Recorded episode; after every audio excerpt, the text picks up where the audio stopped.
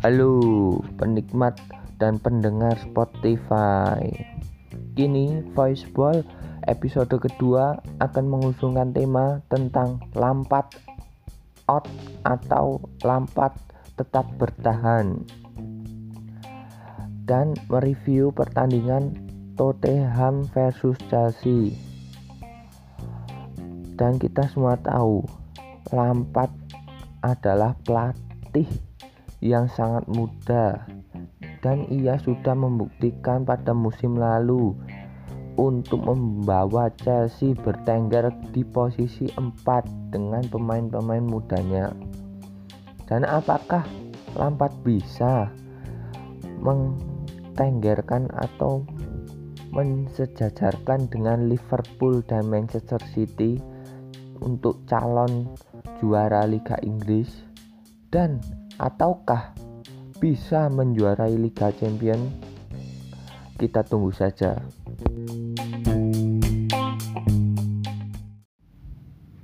Yang pertama, Chelsea versus Tottenham. Dari Chelsea secara strategi Lampard menggunakan permainan direct football dan Tottenham bermain dengan parkir bus supaya apa Tottenham bermain dengan parkir bus supaya lini depan Chelsea tidak bisa menembus gawang dari Hugo Lloris dan menempatkan banyak pemain di belakang. Ya, kita akan mengulik starting line up dari kedua tim. Yang pertama dari Chelsea, kiper Mendy, back. Thiago Silva sama Kudzoma full back Chilwell sama Rhys James. Di tengah ada Kante sebagai DM dan Mateo Kovacic sebagai box to box dan playmaker atau attacking midfieldernya Mason Mount. Saya agak bingung dengan Lampard kenapa Mason Mount? Saya tahu kemarin lawan Rennes dia main bagus tapi Harvard sudah sembuh.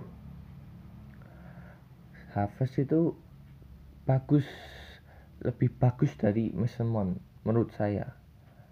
Harus diregulerkan menjadi starting eleven kayak Harvard itu.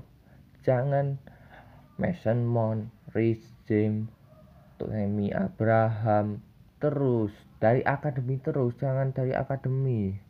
Dari secara bermainan dan konsistensinya. Apakah dia tiga pertandingan bagus terus atau enggak itu dan di depan nih saya curiga ini. Lampat sama Temi itu takut sama Lampat Temi berani sama Lampat dan Lampard takut sama Temi. Karena apa? Setiap Temi diganti, Temi itu akan berteriak, akan mengeluarkan emosinya dan itu pada Lampard Lampard menjadi sungkan untuk menarik dia keluar dan sungkan rasa sungkan itu menimbulkan jirut harusnya bermain lebih awal malah bermain lebih sedikit menit bermainnya. Karena rasa sungkan terhadap Temi Abraham itu lampat itu. Dan kiri Werner. Kanan dia yeah, kita semua tahu Christian Pulisic belum sembuh total lawan Tottenham dan ditempatkan Werner di sayap kiri. Dan saya akan line up-nya Tottenham. Kiper Hugo Rollis, back Rodon dan Eric Dyer, fullback Reguilon dan Aurier, di tengah Hosberg dan Sissoko. Nah, Hosberg dan Sissoko ini permainannya itu pengangkut air lah contohnya. Kasarnya gitu. Nah dan Dombele. Dombele skillful. Di sayap ada Stephen Bergwijn dan Son. Nah Stephen Bergwijn dan Son itu mempunyai kecepatan untuk menusuk dari kedua sisi entah dari sisi tengah sisi kanan sisi kiri. Dan di striker ada Harry Kane. Kita semua tahu duet Harry Kane sama Son begitu klop begitu bagus kalau diduetkan Son sama Harry Kane ini. Dan pemain Chelsea di babak pertama melakukan ancaman di kubu Spurs tapi Spurs juga melakukan counter attack.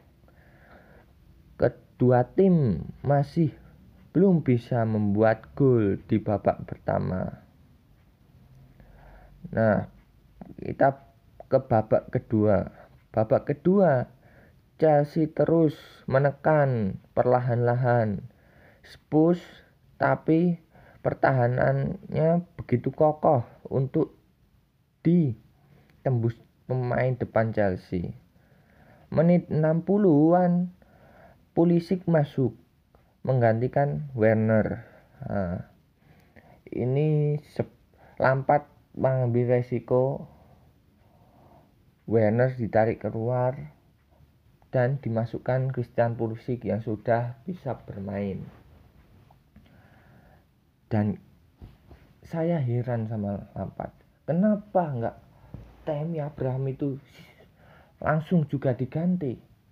Kenapa kok Temi Abraham dan Hakim Ziyech malah diganti pada menit 80 padahal itu Hakim Ziyech otak dari serangan Chelsea.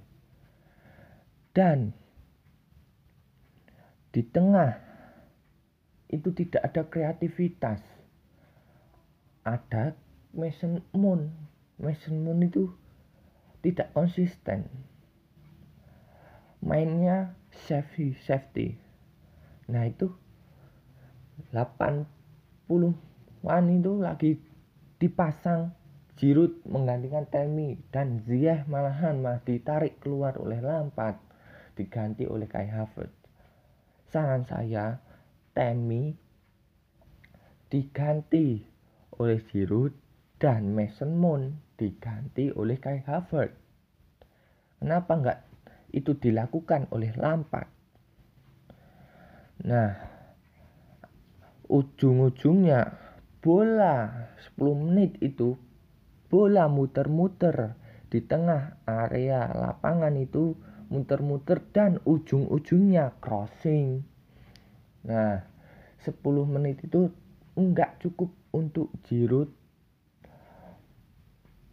membesarkan change untuk menyundul bola. Karena apa? Sedikit sekali Giroud itu mempunyai change untuk menendang bola ke arah lawan atau kiper dan ada satu momen di saat back tengahnya Tottenham itu akan